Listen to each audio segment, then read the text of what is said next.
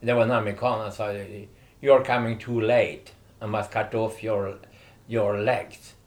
Not only the, not only the toes, not only the foot, but, but all the leg. Ja, jag kommer att få bli utan ben. Men fortsätta leva det glada livet.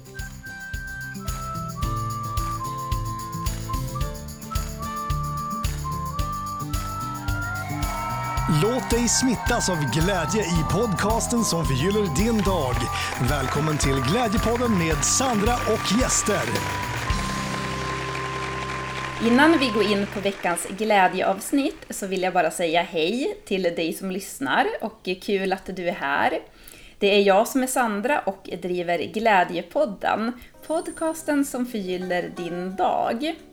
Och för att vi ska få ut maximal glädje av det här avsnittet så vill jag inledningsvis bara säga att Glädjepodden är en kärleksfull podd som vill ditt bästa. Vi jämför inte och vi talar inte om för människor vad som är sant eller inte. Och eh, vi spekulerar mest. Så därför, även om vi refererar till fakta eller vetenskap vid vissa tillfällen så får du som lyssnar ta in det som resonerar med dig. Och kom ihåg att inte jämföra dig med någon annan, för man vet aldrig vad andra människor har för resa. Och eh, du får också ha på dig dina ödmjukaste öron och tänka på att vi spekulerar och eh, jag tycker det är ganska mycket glädje i att ge sig själv och andra den friheten. Att man spekulerar just utifrån där man är för stunden. Så kanske man är på någon annan plats imorgon. Vill du komma i kontakt med mig av någon anledning så finns mina kontaktuppgifter i poddbeskrivningen. Prenumerera gärna på podden om du inte redan gör det och Glädjepodden i sociala medier hittar du under Glädjefabriken. Så lämnar vi nu över till veckans avsnitt av Glädje.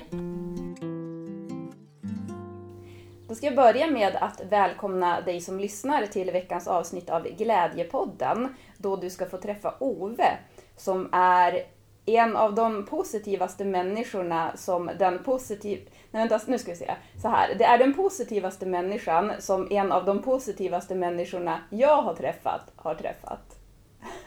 Så får vi se om du hängde med på det där. Men jag säger i alla fall välkommen till Glädjepodden Ove. Tackar, tackar. Det var en kul idé tycker jag. Jag vet ju inte vad en podd är, men jag vet vad glädje är. Ja. Och eh, varför tror du att då... Det var ju Stig-Åke Lindgren som har varit med i den här podden tidigare. Det var han. Han är en av de positivaste personerna jag har träffat. Och så sen så sa han då, han rekommenderade att jag skulle kontakta dig. Varför tror du att han sa så om dig? Ja, det kan väl vara så att eh, sist, senaste året, eller senaste åren, för tre år sedan så då eh, var jag på älgjakt och eh, gjorde illa, föll och gjorde illa tårna. Mm.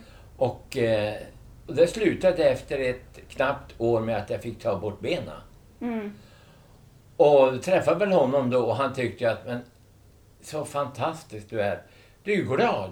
Mm. Ja, så varför ska jag inte vara glad? Jag gör ju nästan det jag kunde göra förut. Mm. Och så har jag, jag tar det som en utmaning i ditt nytt liv. Mm. Och gör samma sak. Och det känns skönt. Mm. Och det märker jag också på stan när folk kommer fram till mig och säger Gud vad du, vad du är glad och det är så roligt att träffa dig. Du har aldrig liksom några ledsamheter eller några problem som ska lösas utan det är bara liksom uppåt idéer du kommer med. Ja. Men hur kände du då, jag tänker med olyckan, kände du också att du var ledsen då eller var, kom optimismen på en gång? Ja, jag bes- alltså det var ett mentalt val. För att den dagen jag kom till lasarettet och sa läkaren att eh, det var en amerikan, han sa You're coming too late. I must cut off your, your legs. Not only the, not only the toes, not only the foot, but, but all the leg. Mm. Och jag tänkte, ja, ja. Men å andra sidan, jag hade ätit medicin för jag hade ont i, föt i fötterna. Mm. Och då kände jag att det var inget bra att äta morfin. Ja, just det. Det var inget bra. Och då bestämde ja, jag gjorde faktiskt att jag bestämde mig att ja, jag kommer att få bli utan ben. Men jag ska leva fortsätta leva det glada livet. Och, och jag vet att det går ju. För jag har ju levt hela mitt liv med att, vara glad och positiv. Och ja, och så jag hade inga betänkligheter. Hur ska det här gå? Aldrig. Det var en dag jag kände lite besvärligt. Och, ja, men sen så, dag två, då var jag klar med att jag går vidare med livet. Ja, du var helt redo att göra det då också. Ja, visst. Ja. Jag var det. För att jag kände att det var eh, bäst för mig. Mm. Att ska jag bara grotta ner i detta att det är besvärligt. Och så, nej, tänkte jag. jag. Jag tar den positiva sidan. Att jag, vad kan jag göra? Och när jag lyckas med det, då blir jag ju jätteglad. Och så blir andra människor också glada. Mm. Jo, men så är det ju. Det smittar ju. Ja, Vad inspirerande att höra, för det här tänker jag att man kan ta till sig oavsett vad man har för utmaningar i livet, även om det inte handlar om hälsan. Det kan ju vara att man har andra utmaningar, men att man då... För att jag tror också på det att man kan ju behöva känna sina känslor först, men sen att man då gör det där valet att men nu går jag vidare. Hur kan jag anta den här utmaningen på bästa sätt? Mm. Ja, väldigt inspirerande. Ja, och det var inspirerande för mig också för att jag mår ju så bra. Trots alltså efter tre år så har jag gått, åkt på det här sättet. Och ja, jag gör precis vad jag har gjort förut. Jag har ansträngt mig för att göra allt. Men det är två saker jag inte kan göra. Och det är att plocka bär i skogen. Det går inte. För jag kommer inte ut dit. Och så är det... I lördags var jag på stan och skulle gå på Bondens marknad. Och då var det en dansgrupp där, musikgrupp. Som spelade ja, rock och de spelade foxtrot. Och jag var ju väldigt intresserad, jag dansade mycket tidigare. Och då kände jag att, men skulle, det det, skulle man kunna dansa? Och det har jag gjort en gång i rullstolen. Ja, Ja, här i rummet. ja, När de kom och hälsade på jaktledaren och hans fru. Men eh, det var inte så stort eh, besvikelse där. Eller, det kände jag inte. Utan, ja, tänkte jag. Då mindes jag bara tillbaka den delen. Där jag dansade mycket. ja. Och eh, ja, det gick. Det, det gick över. Det är borta. Det var en timme jag såg det. Och så stannade jag upp och lyssnade och tittade på dem. Och, ja, tänkte, åh vad duktiga de är. Men det där är ju en konst, Ove. Att verkligen kunna bara inte gå in i de känslorna, att vara ledsen över det man saknar. Ja. Jo, det kan hända att... Men, men å andra sidan, det är så lätt för mig. Jag har alltid varit på det här sättet. Från det att jag... Eh, och det var när jag gick ettan i realskolan i Sollefteå. Så, så det var många lärare som tyckte att, att eh, man pra, jag pratar ju dialekt då. Mm. Det är ju alltså helgumsmålet. Och det kan ju vara svårt att förstå. Och då minns jag en lärare, jag, jag skulle hålla ett föredrag en gång. Och ehm, eh, jag, minns föredragets namn, det var John Eriksson. Som eh, byggde Merrimack i, i frihetskriget i Amerika. Och jag berättade om hans eh, egenskaper och hans eh, nyfikenhet.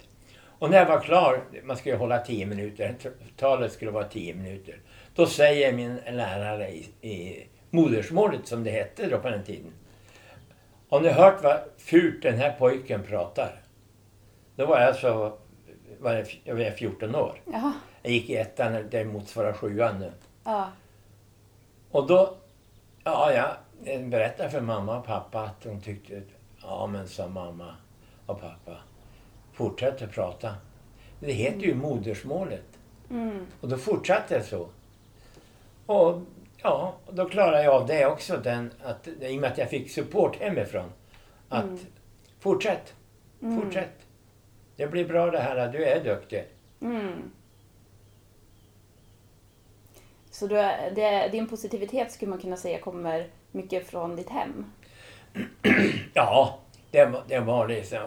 Ja, från hemmet för eh, de var ju in, in, inte helt religiösa, men eh, de var andligt eh, intresserade och pappa gick ofta i kyrkan. Mamman hade inte tid för hon höll ju på med lagen och, åtta pojkar så att och stryka och tvätta. Och, för pappa var inte med på det. Mm. Och eh, ja, då... Man gick i söndagsskolan. Då lärde sig mycket om hur man ska vara. Och jag har min bas i väldigt mycket i tio Guds bud. Mm. Vilket har varit en styrka för mig sedan nu när jag pratar med och träffar alla människor. Och, och eh, de tycker liksom att, att eh, det är bra och roligt och att du är så medveten om de etiska utgångspunkterna. Ja, men det är ju Bibeln där och det är de tio Guds bud, har jag sagt. Så det är ju lätt. Och har man då dessa, det som förebild, då blir livet enkelt och eh, underhållande. Ja. Och det syns ju också sedan i moralen, alltså hur man handlar. Och det tycker, vad jag förstår, många människor att jag handlar på ett bra sätt. Hjälper andra människor och eh, inte bara mig själv utan jag kanske i första hand tänker på andra människor. Mm. Men kan det också ha att göra med att du, för det känns som att du är ganska trygg i dig själv. Och när man är det så är det också lättare att gå, ut, gå utanför sig själv och tänka på andra. Ja, tryggheten har jag fått av mamma och pappa. Men man, ja, de gav ju en hela tiden support och hur man skulle vara. Och, och det där gjorde ju att jag blev ganska stark Mm. i känslorna. Att, och, och vet vad som är rätt och fel. Vilket är en oerhört viktig del i ens liv. Mm. Att man eh, aldrig liksom behöver fundera över vad som är rätt och fel. Utan det sitter i, i det finns med från födseln, alltså inte från födseln men från, då säger jag 6-7 års tid. Mm. Att, eh, från, eh, från det att jag var 6-7 år. Och framåt. Så det är enkelt. Det är lätt att ha den eh, tron. Jag är inte religiös men eh, jag, jag är andligt intresserad. Sjunger gärna psalmer och ja. Och det hjälper mig också. Det skapar en trygghet, förstärker Mm. tryggheten. Ja, det håller jag med om. Det kan jag själv också känna faktiskt. Men när vi pratade på telefon, då sa du att du har haft väldigt mycket tur i livet. Ja, det är ju, det, det får man säga när det har, det har gått bra. Och jag tror att det har gått bra för att jag har vetat att jag ska göra. Och vi, vi som pojkar då i familjen, vi fick ju alltid eh, från mamma och pappa att slutför det du har börjat med. Mm. För vi hade ju jordbruk. Och så hade vi skog och så var man, jag var inte något duktig i skogen men jag hjälpte till i, i, jord, alltså på la, eh, i jordbruket. Och då var det alltid liksom att håll ut, håll ut. Det här ska, nu ska vi bärga höet. Och då när vi har gjort det efter en vecka då får ni gå på Höga Nöjet. Det var en liten festplats, de hade evenemang då. Så att det är från början så har, man, har jag liksom hela tiden haft, haft en planering att ska du starta någonting så ska du slutföra. Mm. Och det är väl, man kan säga att det, det är inte tur egentligen men jag kallar det för tur. För att det är ju medvetet. Du skapar din egen tur. Ja, Mm. ja det var ungefär som Ingmar Stenmark sa att, eh, eh, att de tyckte han hade haft tur. Mm. Ja, inte han hade haft någon tur utan det var ju hans träning som gjorde att det gick bra. Mm. Och på samma sätt med jag har liksom varit eh, medveten om att alltid göra rätt och eh, hjälpa andra människor. Mm. Det var viktigt. Mm. Och det har följt med. Det skapar väl också en trygghet i sig själv. Jag kan tycka det, att det gör det. Att om man är så här committed till någonting, vad den är för någonting, så känns det som att det skapar en form av trygghet. Ja, och den tryggheten har ju resulterat i också att man blir mera nyfiken. Mm. Den lyckas. Ett, ett delmål har jag nått där. Ja, då blir det nästa delmål. Och så, så att jag har ju gjort väldigt mycket annorlunda saker i mitt liv. Inte bara vara lärare. Jag har gjort och varit med och folk har velat ha med mig i styrelser och de vill att jag ska leda idrottsföreningar och, och, entusiasmera flera människor så att det blir lättare att driva föreningar, organisa- organisationer. Mm. Vad har du gjort mest i ditt liv? Ja. Jag eh, har eh, börjat läsa Uppsala. Men sen så jag fick ju, skulle få barn och då eh, fanns det inga lägenheter i Uppsala. Utan då fick jag flytta till Umeå och fortsatte här att läsa. Tog alltså en examen då. Och sedan blev jag då enrollerad eh, ja, på social, socialhögskolan. Trots att jag inte var färdig med studierna så hade de hört liksom att jag var ja, hyfsat bra. Och sedan så då efter ytterligare ett par år då fick jag ett universitetslektorat på Umeå universitet. Och eh, det var jag då och trivdes jättebra. Och studenterna trivdes nog hyfsat med mig också och arbetsgivaren tyckte att det var bra. Och sen så 1986 så bildade vi Handelshögskolan. Och då sa han som var rektor för Handelshögskolan, men Ovesson, du ska väl fixa det så att ha en invigning. Och Jag ordnade en invigning där. Vi hade 600 människor där som näringslivet, studenter och eh, andra organisationer. Och det gick ju bra. För att eh, det blev ju en etablerad handelshögskola. Fast det hade ju konkurrens med Stockholm som hade funnits alltså i 70 år då. Men eh, studenterna som kom de tyckte nog att det var hyfsat bra. Inte för min skull. Utan det var... Vi hade plan på att det skulle bli en elithögskola och det skulle bli bra studenter och som kom skulle få bra jobb. Och eh, ja, sen var det väl med det. Och sen efter några år så då tyckte de att jag var så duktig att jag skulle kunna vara ansvarig för grundutbildningen. Och då, ja, och då blev det någon chef som tyckte att eh, ja, det ska vara det. Och sen bytte, bytte vi chef då. För de professorerna de kom ju och gick. Och då, de som kom efter den här professor 1 då, ja, då tyckte den nya professorn att, men Ovesson, du ska ju vara, du måste bara hjälpa oss. Du är ju så duktig. Och så är det så positivt kring dig, sa de. Att eh, blir, det blir inga konflikter. Utan det, det löses genom att eh, mitt sätt att vara. Inte att prata kanske, utan sättet att bara vara mot medmänniskor. Ja. Det hjälpte oss där. Ja, sen har jag for, fortsatt där tills eh, eh, för, eh, nu ska jag se hur många år är det sen. Eh, ja, det är nog, jag var ju sju år efter pension. Så var jag jobbade på heltid. Ja. Och för de tyckte att det, det, gick så bra så att... Men sen blev det då att eh, antalet utländska studenter minskade vid ett tillfälle. Och då skulle de alltså välja mellan ska ha mig kvar eller avskeda någon fast anställd som var 30 år, 40 år. Och då blev det ju så att jag sa jag behöver ju inte det här, jag kan ju göra något annat. Ja, och då, men det var, ju, det var ju väldigt angenämt att få arbeta under pensionen, alltså som har pensionerat och träffa studenterna. För det har ju alltid varit en, en fantastisk eh, upplevelse att alltid umgås med unga människor. Som är positiva, målinriktade, nyfikna och kreativa. Ja. Så då håller man sig, man är med där. Man blir inte eh, så gammal som man är egentligen. Men eh, jag är ju gammal men jag har fortfarande en fantastisk nyfikenhet på livet. Och löser uppgifter. Och, du kan se här, här är utredningar som jag har gjort nu de senaste veckorna.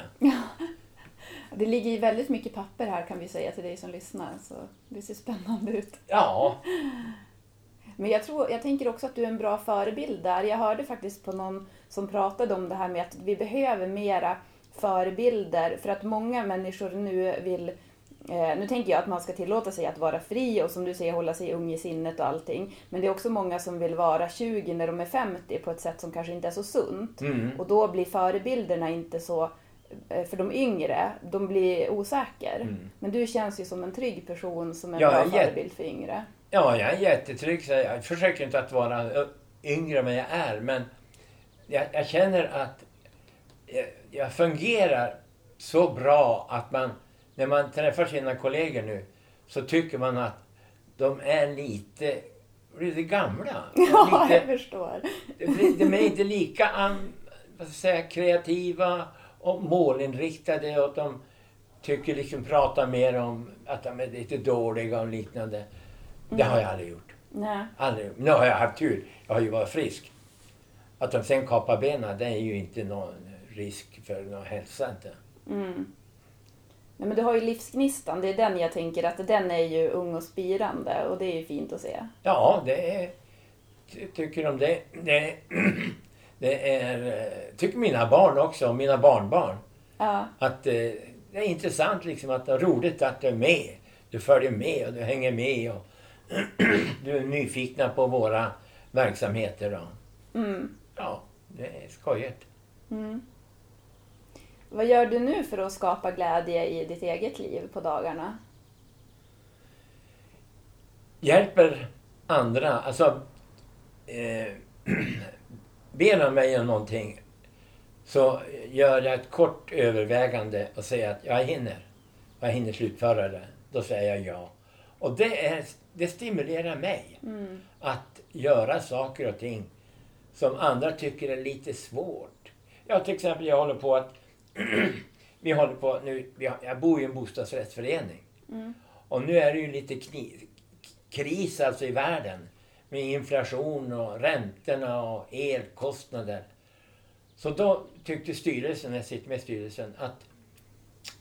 Eller var det jag som sa, men jag kan, jag kan utbilda medlemmarna i Så jag har bestämt nu att den, i september här, eh, efter älgjakten, då ska jag hålla en kväll där jag ska berätta hur... Ja, jag har skrivit till exempel, eh, för att locka folk dit, så skrev jag, när kommer nästa avgiftshöjning? Och så tisdagen den 20 september, klockan 18 får du veta. Då ska jag gå igenom vad är det som konstituerar alltså bestämmer avgifterna som... För det är ju ganska besvärligt nu för många människor i och med att räntorna går upp. Och det är inte bara räntorna för bostadsrättsföreningen utan även för de som, alla som bor. För alla har ju lånat när de köpte lägenheten. Så det är en grej som jag håller på med. Och det, det jag blir jätteglad över det hela. Och läser ju mycket. Mm.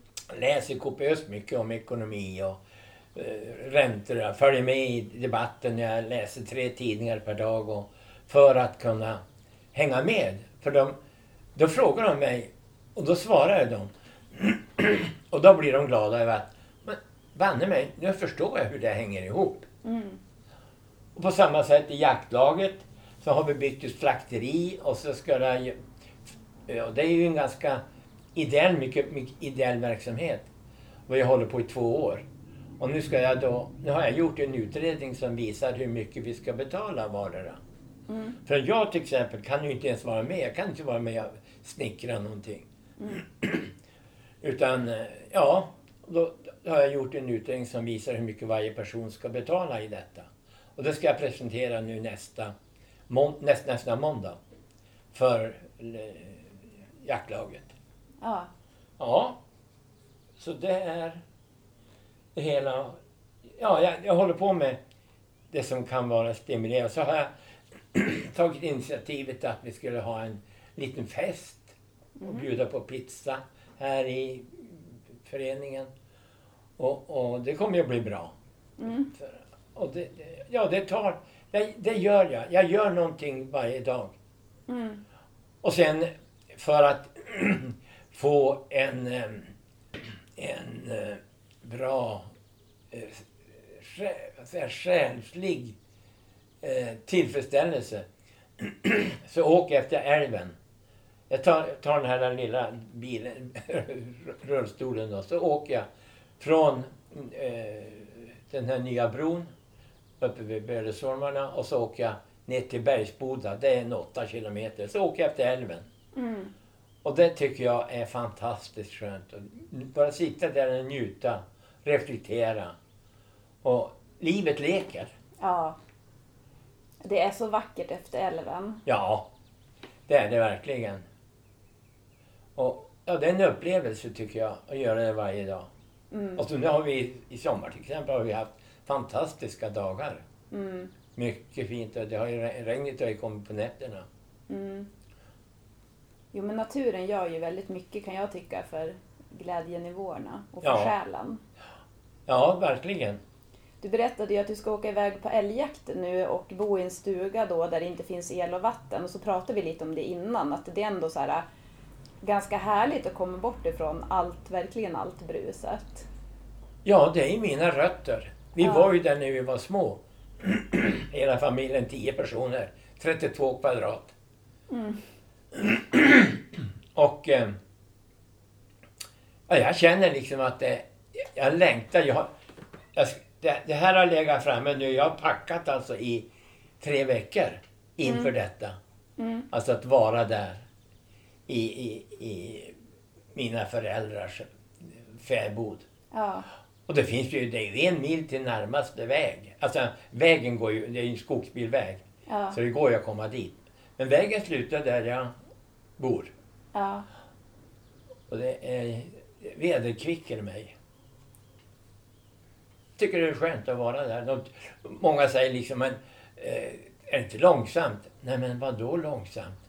Sitta där och tänka liksom och se utvecklingen som har varit under eh, så länge, många år jag minns. mm. Och förändringen. ja, Och vad som har blivit bättre och kanske för folket och vad som är inte lika bra Mm. som tidigare. ja, just det. Om man ska vara positiv då, vad tycker du är det bästa som har hänt för människorna i utvecklingen? Ja, det är ju, det som är positivt tycker jag, det är ju att de kan mera. Alltså förstår mera. För man, eh, gamla eh, hembygden, det var ju väldigt innesluten i sig själv. Mm. De, de var ju för oerhört hjälpsamma med varandra. Men de kanske inte hade den här förståelsen av världen Mm. och, och hur det hängde ihop. Och det var ju beroende på media. De, man hade en tidning där så var det ju lokala eh, frågor som togs upp där. Så att jag tycker liksom att folk har blivit, eller vi människor har blivit bättre utbildade. Mm. Kanske mer öppensinnad också.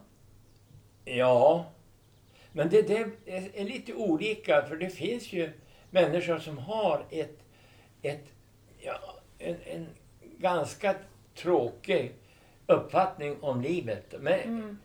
de ser, ser problem Mm. idag som ligger i framtiden. Mm.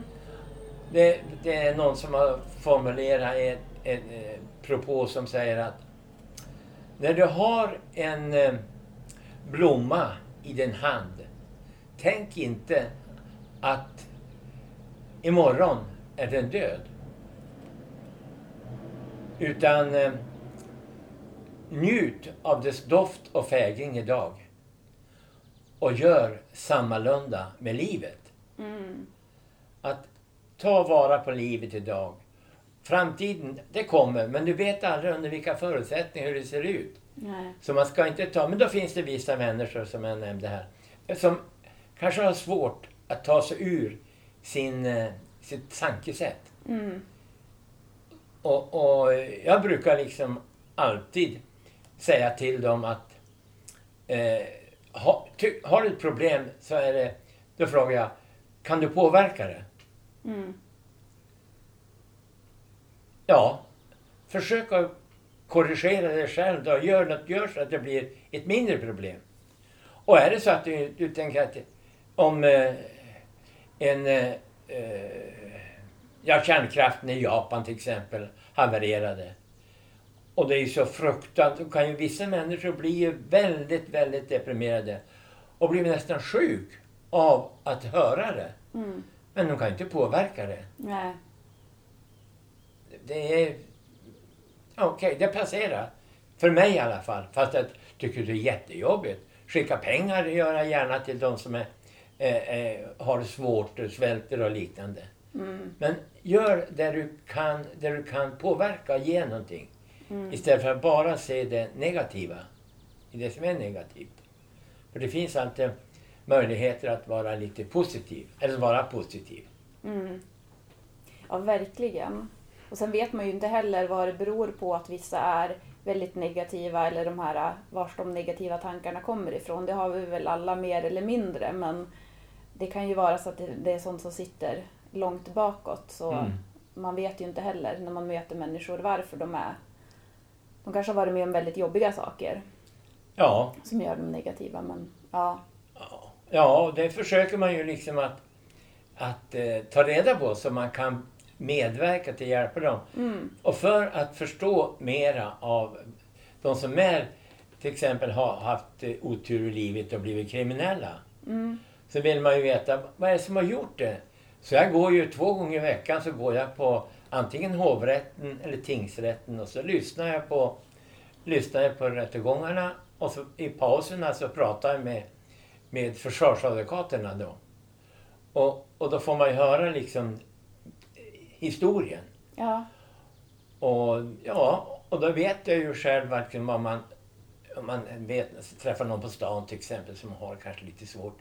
Då kan man ju kanske hjälpa till där och säga men tänk på att gör inte så där om du, om du liksom blir, om du blir irriterad på någonting. Skrik inte och svär inte åt den personen för att det hjälper inte dig. Nej. Utan det blir bara att det blir en dum, konflikt från båda hållen. Ja, precis. Och eh, det var en, eh, han som är, han som är eh, Erik Sundström, han är hovrättspresident. Det är den högste domaren i, i Norrland. Han, jag var på en rättegång där han hade en kille på eh, 20 år som hade gjort, eh, ja, brutit mot några lagar. Och han hade en liten föreläsning efteråt. Och sa, ja, nu får du nu får du fått sex månaders fängelse. Men tänk på det vad samhället kan ge dig. Tänk på dina kompisar som inte sitter i fängelse. Vad har de gjort? Försök du att ändra på dig.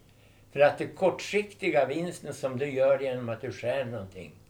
Det kommer inte att göra dig glad. Utan du är ju besviken på dig själv. Mm. Och det där tyckte jag var ganska bra att han hade det här talet till honom. Mm. Ja. ja men varför, jag älskar att du åker iväg eh, varje vecka som du säger och lyssnar på sånt här. Varje dag? Nej, Nästan varje dag. Var, varje dag? Ja. Men nu har det varit uppehåll under med juni, äh, juli. Det har inte varit någonting. Men jag är, är där, ja, två gånger i veckan är jag i alla fall där. Ja. ja.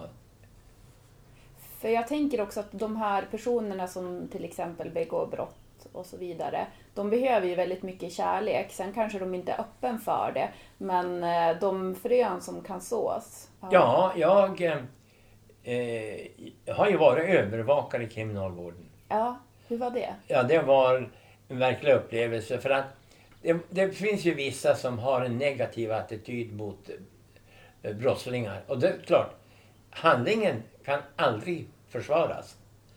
Men däremot personen kan man försvara genom de har haft problem själva. Och eh, då hade jag en, eh, en person som hade, han hade suttit i fängelse, han var 40 år, han hade suttit i fängelse i 16 av 20 år. Mm. Och då ringde jag till försvarsadvokaten och det var ju en konstig människa. Och jag sa att imorgon ska jag gå och lyssna på rättegången som du ska försvara. Men sa han, det är meningslöst. Han kommer ju att få fängelse i två, tre år. Ja, sa jag. Ja, jag ska fråga eh, domaren om jag får komma dit och hålla ett tal. Säga någonting. Mm. Och jag fick komma dit. Mm. Och jag pratade och eh, jag hade förberett talet ganska bra tycker jag. Så att eh, jag såg en, en kvinnlig nämndeman. Jag såg hon satt och torkade i ögat. Hon tyckte liksom det var ganska vackert gjort av den här ungdomen som skulle vara då, bli övervakare och var övervakare för honom. Mm. Så att han fick en villkorlig dom trots att han skulle ha haft två år i fängelse. Mm. Och då skulle jag hjälpa honom då. Och då gjorde jag på det sättet att, att jag hjälpte honom att starta ett företag. Mm. Och eh, jag minns inte om jag lånade honom pengar eller om jag borgade för honom. För det skulle behövas en del rekvisita för att starta företaget. Och det där gick väldigt bra för honom. Och för en, ja, kunde vara fem, sex år sedan så träffade jag honom och då hade han åtta anställda. Mm. Och det hade gått mycket bra för honom. Mm. Och det var ju bara det att man, jag hjälpte honom. Ja. Det, tog, var inte hemskt mycket tid men jag hade ju tid med det. Ja. Och så att det, man kände att ja, nu har jag hjälpt någon också som har lämnat det kriminella. Mm. Och det gör ju att man blir ännu gladare. Ja, jag blev väldigt rörd. Jag får nästan hålla tårarna tillbaka nu. Men jag ja, det är Ja. fint. Ja. Jo, så agerar jag ju på motsvarande sätt med andra människor alltså, som inte är kriminella men som, som gör saker och ting som inte är eh, korrekt. Mm. Och då försöker jag hela tiden att skapa en bakgrund för den personen som man kan sluta tänka på det sättet och istället vända Mm. och liksom säga ja nu ska jag börja göra så här istället. Det blir mycket roligare Ja, istället för att bara liksom förstöra umgänget. och så förstör för det är ju det, man förstör ju framför allt för sig själv. Ja, för att eh, konflikter kan man, de flesta konflikter kan ju lösas. Ja, Och det är ju därför man säger att på, på världsnivå så har man ju då ambassadörer som försöker att eh, hjälpa att länder ska komma överens. Och de är ju suveränt duktiga naturligtvis. mm. Och, och em, det kan ju också vara så att de har klarat situationen. Om vi ser till exempel våra svenska förhandlare så har de ju klarat av en hel del. Men sen finns det ju idag till exempel, det går ju inte liksom att hantera Putin. För han är ju Mm. inte som en människa att ta till sig någonting utan han har en annat mål. Så där tror jag inte någon, någon eh, medling skulle gå, tror jag. Jag tror inte på det. Nej, men jag har hört det att vissa personer, och det här vet jag inte alls om vad, vad som ligger i det här, men det var bara i alla fall någon spekulation kring att vissa personer, de har, är, är så, eh, vad ska man säga, inne i det onda så att deras själ har i princip lämnat kroppen och då går det inte att nå dem. Mm. Det vet inte jag alls, men jag tänker att han kanske i så fall är någonstans där. Ja. Men, men ja, ja, det tror jag att det kan vara så ja. Men jag tror varje människa har någonting i sig som gör att man kan ändra deras beteende. Mm. För jag, när jag var yngre, då eh, var jag ofta ute på kvällarna. Eh, och eh, det var ganska mycket slagsmål mellan karlar. Men eh, när jag såg att det där var, så gick jag bara dit. Och så försökte jag tala dem till rätta. Ibland det var, det var, jag hade varit övervakare för en kille, han var en slagskämpe. Och, och så gick jag och köpte en varmkorv och så kom de andra gick förbi mig, gick förbi mig i kön. Och då hörde jag bakifrån, han ropade Men gå inte förbi Ove! Och han blev vansinnig. Mhm. Och rusade iväg och skulle slå dem. Det kom fyra poliser. De klarade inte av honom. Då sa jag till honom, du sa jag, följ med mig nu sa jag. Och så sa jag till poliserna, bry dig inte om honom, jag går med honom till, till polisen. Polisstation. Mm. Ja, han följde med mig. Vi Ja. gick där. Mm. Och han har ju blivit nu eh, eh, väldigt ordentlig. Bra snickare. Mm. Men det är för att du inte är rädd. Nej. Många, är ju, många blir ju rädd för de där personerna. Ja, nej det har jag nog aldrig varit. Mm. Men det är det jag tänker också, det är därför jag blir så berörd eftersom att det krävs så mycket mod att våga sig igenom det här. Att våga sig igenom all rädsla, för jag tänker att allt det här, alla så kallade onda handlingar, det är egentligen någonting som är bottnat i rädsla och att människor mår dåligt och det krävs ju mycket mod att se igenom det, men det är också så här, det är så mycket kärlek i det, så det är därför jag blir så här, Mm. jag blir så himla rörd. Ja. Nej, jag, jag, jag eh, hjälper gärna, eller försöker att, att bryta ett eh, negativt beteende. Mm. Genom att bara tala med dem. Och säga liksom att, eh, tänk dig för nu att om du nu fortsätter så här, då innebär det att polisen kommer att komma, eller du åker in i fängelse, du får sitta i fängelset, eller du får besvär med arbetet, jag kanske avskedar dig. Och ja, många, jag tycker att jag aldrig har misslyckats i det fallet. Mm. Nej. Ja, jag brukar lämna från mig telefonnumret och som ska få ringa mig. Mm. de, oftast är de ju onyktra. Och så, för att de liksom kunna vid nyktert tillstånd kunna prata med mig. Mm. Ja, Ja, det var ett bra tips av Stig-Åke det här. ja, jag vet. Ja, ja, ja och jag är, jag är ju väldigt glad. ja, men verkligen. Ja, jag tänker det också så här. Jag, eller vad, så här, jag, jag låter dig svara först. Men vad skulle du säga är meningen med livet? Att eh, hjälpa folk. Att Hjälpa Mm. andra människor. Mm. När man väl har, har hittat en, en nivå själv som gör att jag orkar. Precis. Då- det är också viktigt. Ja. Jo, men det, och det kommer, för mig har det kommit automatiskt genom att mina föräldrar hade så stor, stor tilltro till oss alla åtta. Mm. Och, och vi fick alltså en, eh, en, en känsla av att vi duger jättebra. Mm. Och, och så skulle man också, jag var född på landet och det var ju vissa som hade ganska svårt ekonomiskt. Och då försökte man liksom att förstå det här, för vi hade ju också svårigheter. Vi hade ju bara, vi bodde i en, ett kök och en kammare tills jag var 13 år. Och vi var alltså 10 personer. Mm. Och, och då krävdes det ju att man hade respekt för varandra för att skapa en gemenskap. Mm. Även med bröderna. Och så med byn. Och de tyckte ju att det var väl mammas förtjänst alltså, väldigt mycket. Hon, hon var ju som en eh, VD för ett företag. Hon skötte ekonomi, hon skötte lagen, hon skötte eh, hushållet i alla dess delar. Och för 75 år sedan så fanns det ju ingenting. Mm. På vintern tvättade hon liksom nere i lagon och vi fick hon bar ner oss när vi var små nere i lagon. Och det där blev så att man var så nära Mm. sina föräldrar. Mm. Och kände liksom att, åh vad fantastiskt. Så ska jag också vara när jag blir stor. Ja, det tror jag har blivit. Mm. Det är jättefint att höra. För att det där uppväxten betyder otroligt mycket. Och vi har, alla har vi olika förutsättningar. Så det här med att hjälpa andra. För många personer handlar det också mycket om att hjälpa sig själv först och att faktiskt också behöva sätta gränser. Så att det inte blir att eh, man blir utnyttjad.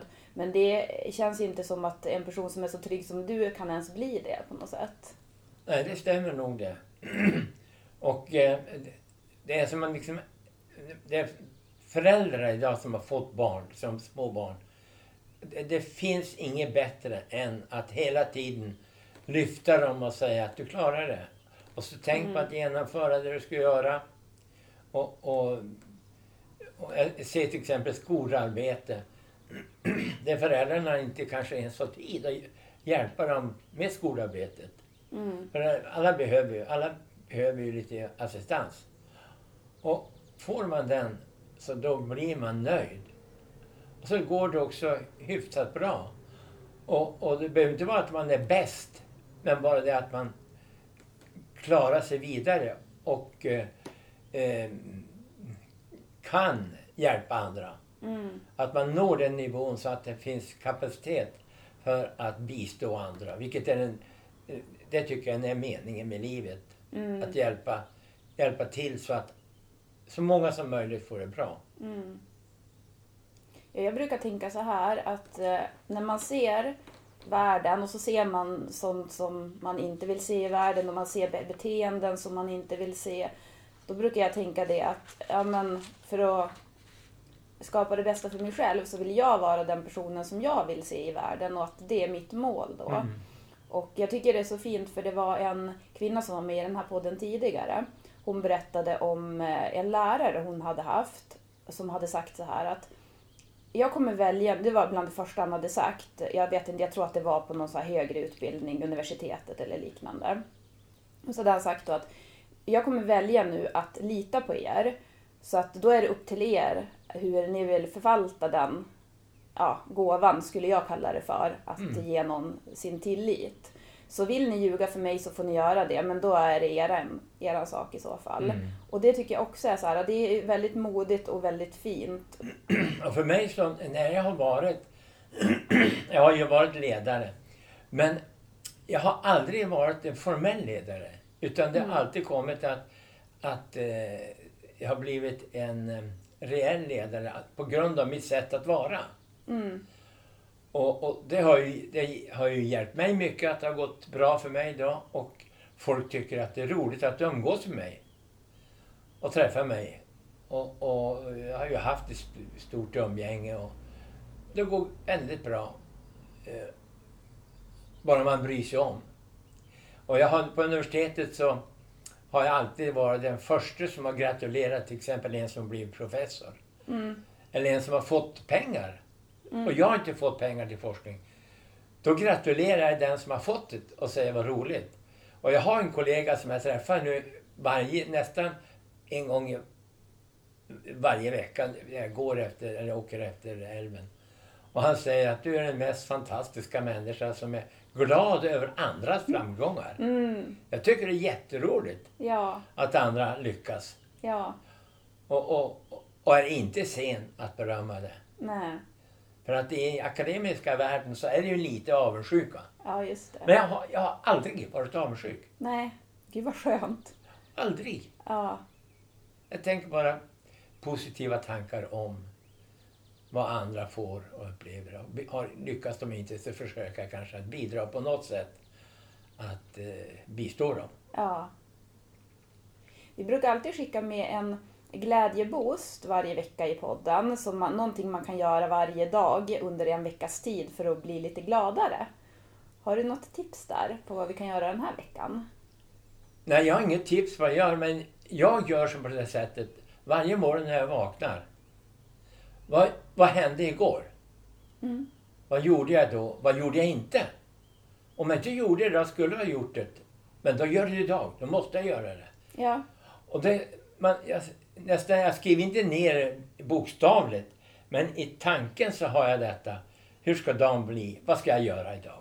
ja, Och då blir det så mycket enklare. Mm. Att eh, till exempel, va, bli aldrig irriterad på någon. Om det är någon som skymfar dig så är det du som bestämmer om det ska lyckas. mm. Bryr du inte om det? Jaha, har du den uppfattningen om mig? Och då, då tar det ju slut. Mm. Jag blir inte deppad över att eh, om nå- någon som säger någonting till mig. Mm. Ja, nej, det är... Och så att man, man är sig själv i umgänget. Så att man inte faller in i andras sätt att vara. Mm.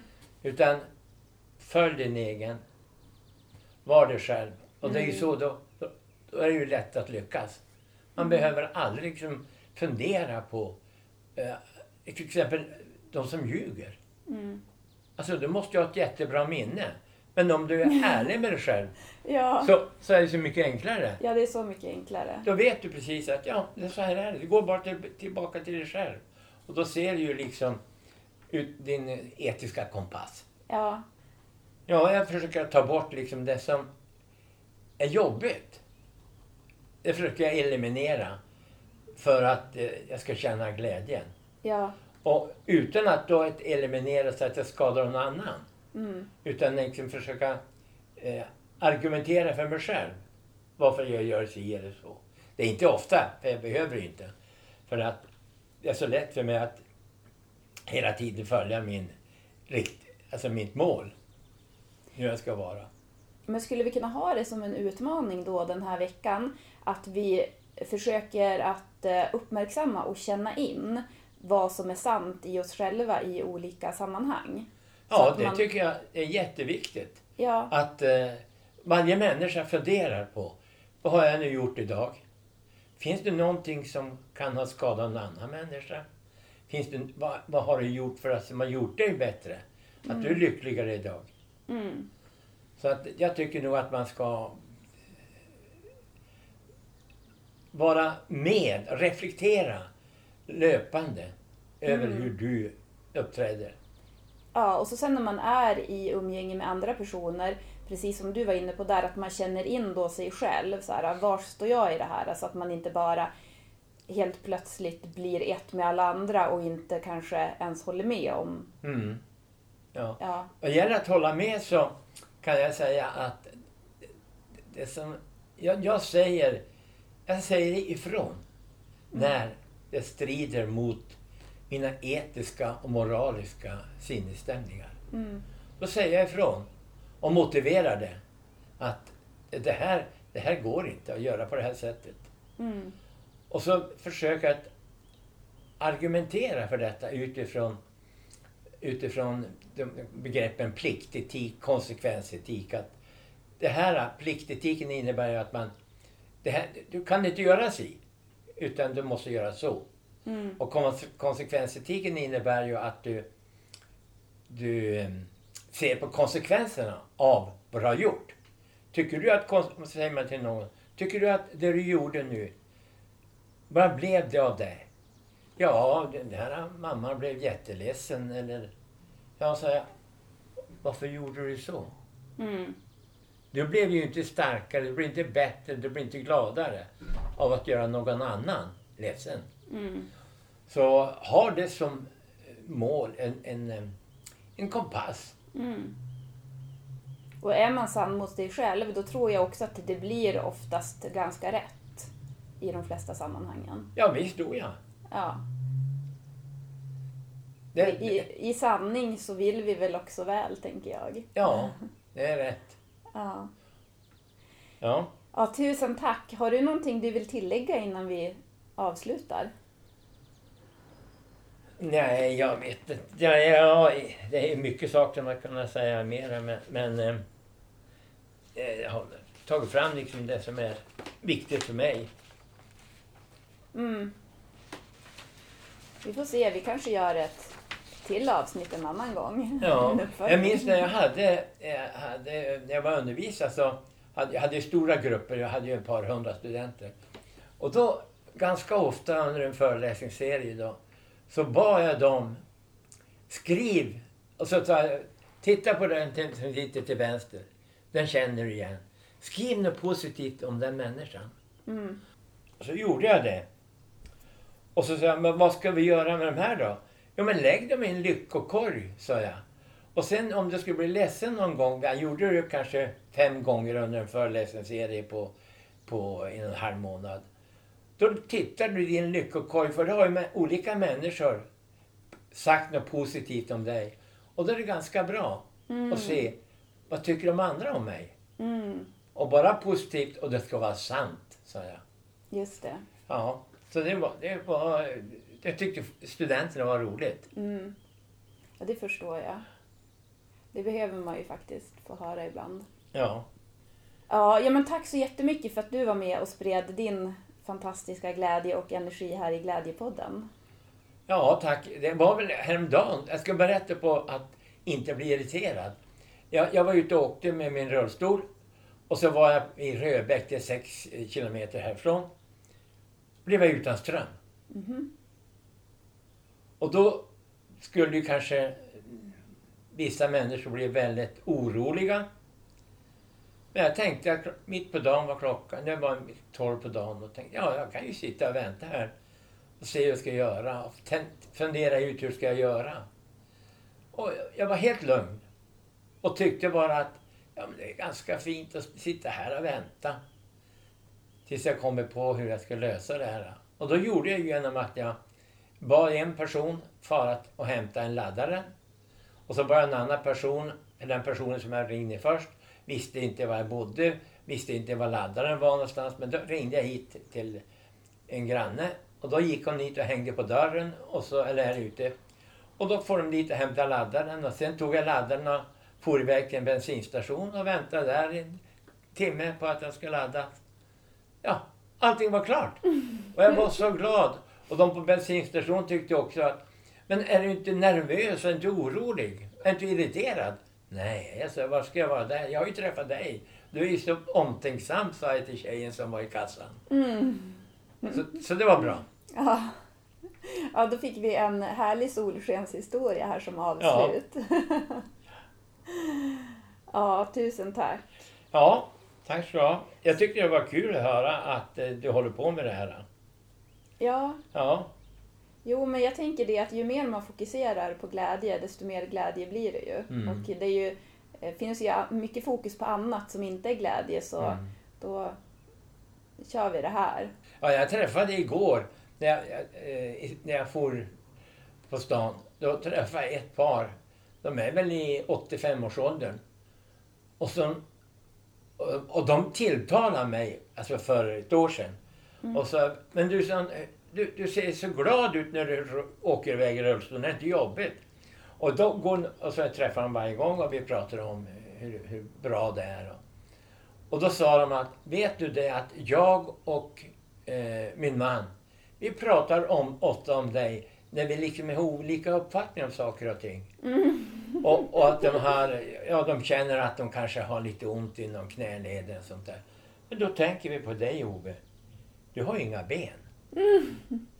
Och då blir man, blir, ja, då tänk, ja då tänker man att men det här är ju inget farligt. Jag har ont i din knäled bara. Ja.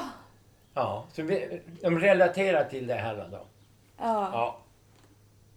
ja, tänk vad man kan inspirera andra människor utan att man vet om det, bara att man är sig själv. Ja, ja, det var några stycken som sa också, vi har ringt till VK och tänker att de ska göra ett reportage om dig. För du är så fantastiskt eh, glad och positiv. Så ringde en från VK och skulle intervjua mig. Men eh, jag sa att nej, det, låter, det blir liksom inte något bra att man skriver om det. De, de har ju Det är skrivit... jättebra! De har ju jag skrivit, verkligen läsa de har ju skrivit det. mycket om eh, mig tidigare när jag har varit ordförande för olika föreningar. Ja. Och startat föreningar och ja. Nej, jag avvaktade. Så där tog jag då som tänkte att ja, men det här kan jag göra. Det här är ju inte lika offentligt som en tidning. Säg inte det, det här går ju ut över hela Sverige. Ja. VK det är bara Umeå. Ja, just det. Västerbotten. Ja, Ja, nej, det är sånt här som jag tycker behöver lyftas. Sådana människor som du och din glädje och din kärlek. ja. Så tusen tack för att du nu ändå ställde upp på det här Ja. då. Tack för det. Ja, tack för att du var med och lyssnade också och tog in den här glädjen så får du sprida den vidare nu.